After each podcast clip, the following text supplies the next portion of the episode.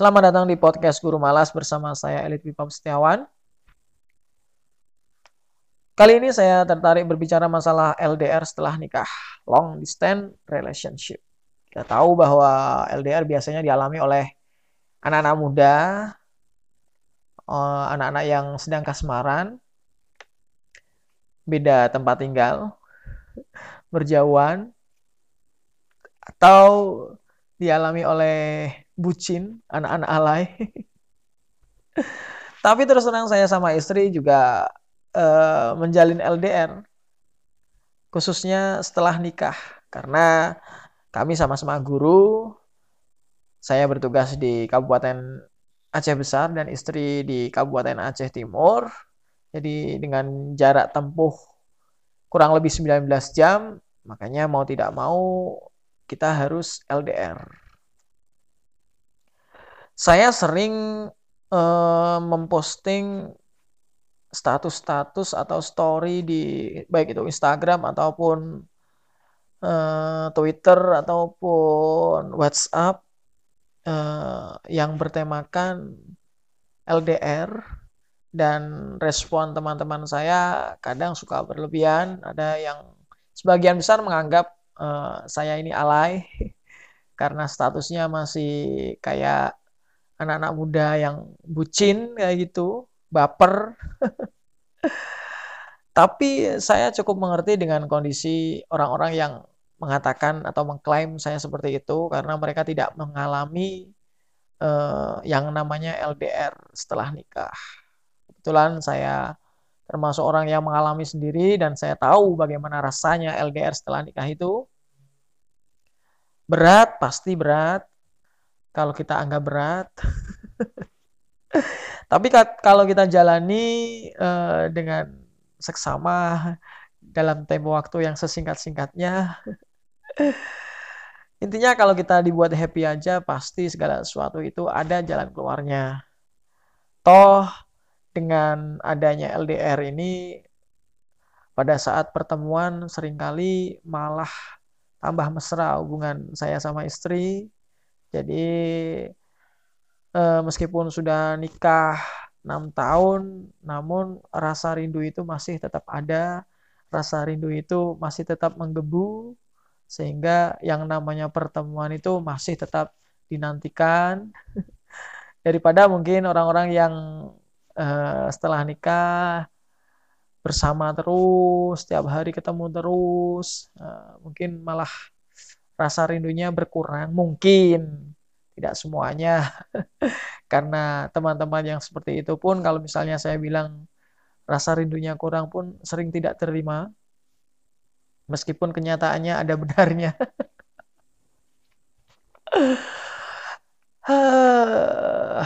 Apa? Kami LDR demi masa depan itu kalau teman-teman tanya kenapa kok uh, kalian sudah nikah tapi memilih untuk berjauh-jauhan, tidak bersama setiap hari. Kami bilang LDR kami demi masa depan, demi anak-anak, agar bisa hidup layak sebagaimana mestinya. Cukuplah orang tuanya, bapak ibunya saja yang merasakan getir pahitnya hubungan jarak jauh. Eh, nggak uh, apa-apa. Perjuangan itu selalu akan berbuah manis di kemudian hari.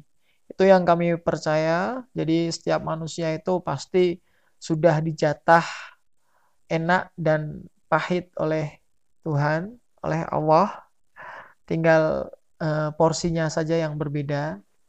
Jadi saya sama istri selalu beranggapan manakala uh, hidup kita pahitnya hidup kita diambil di depan, nanti kita tinggal menuai manisnya di belakang. Itu akan lebih enak daripada kita ambil manisnya di depan, pahitnya nanti kita rasakan di kemudian hari. Itu sakit, men. ah. Yang penting saya sama istri tetap saling menyemangati, tidak menyerah oleh keadaan, keadaan busuk ini. Alhamdulillah saya bukan orang-orang yang bisa gampang menyerah oleh keadaan. Justru di mana pun, apa pun, bagaimanapun keadaannya, saya sebisa mungkin eh, selalu saya apa ya? Kalau orang-orang itu eh, orang tua pesan di mana bumi dipijak, di situ langit kita junjung. Kalau saya di mana bumi dipijak, di situ langit kita injak juga kalau bisa. uh, kadang berpikir di luar kebiasaan itu memang seru, memang asik. Meskipun ada resiko uh, yang mengancam, tidak masalah. Hidup itu terutama kalau kita sudah bekerja tentu kita terikat uh, oleh aturan-aturan yang semakin mengikat kalau misalnya kita patuhi. Jadi sebisa mungkin saya sama istri menganggap aturan itu dibuat oleh manusia. Jadi sesekali tidak masalah kalau misalnya kita langgar.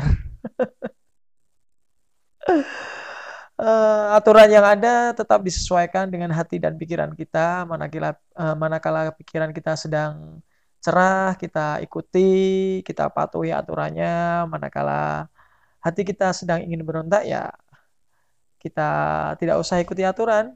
Enak, dibuat santai saja, tanpa beban kita menjalani hidup. Biarlah eh, orang-orang mengira kita susah. Yang penting kita yang menjalani tidak sesusah apa yang ada di pikiran mereka. Memang orang cenderung membandingkan dengan orang lain dan setiap orang pun uh, orang lebih suka membandingkan daripada dibandingkan. saya termasuk orang yang tidak suka dibanding-bandingkan, tapi saya serahkan kepada orang-orang yang mau membandingkan saya dengan orang lain. Saya selalu terbuka, meskipun saya tidak suka. Itulah kenapa sebabnya saya selalu berpikir masa bodoh. Gak mau tahu, segala apa yang saya dengar uh, saya masukkan ke telinga kanan buang lagi ke teli dari telinga kiri hidup akan terasa lebih nyaman ketika kita tidak dibebani oleh beban-beban seperti itu. Ini nggak tahu mau ngomong apa. Intinya eh, LDR setelah nikah itu tetap manis. Kita bisa tetap merasakan kangen, kangen dengan pacar, eh kangen dengan pacar, kangen dengan istri.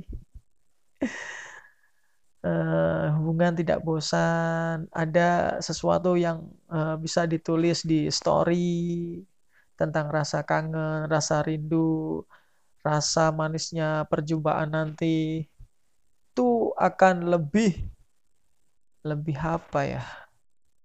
lebih berkesan daripada setiap hari kita harus posting story-story yang menye-menye. uh, orang media sosial ini sekarang ini kadang orang menganggap media sosial itu barang yang terlalu serius. Tidak banyak uh, orang yang jadi bertengkar gara-gara media sosial. Padahal kan uh, sebenarnya adanya media sosial itu dibuat agar kita masih tetap bersosial meskipun kita antisosial. itu menurut pandangan saya tentang media sosial ya kita harus bijak dalam menilai dalam menggunakan media sosial itu jangan sampai hanya karena media sosial kita terjadi gesekan-gesekan dengan orang lain. Oke, demikian dulu dari saya. Salam.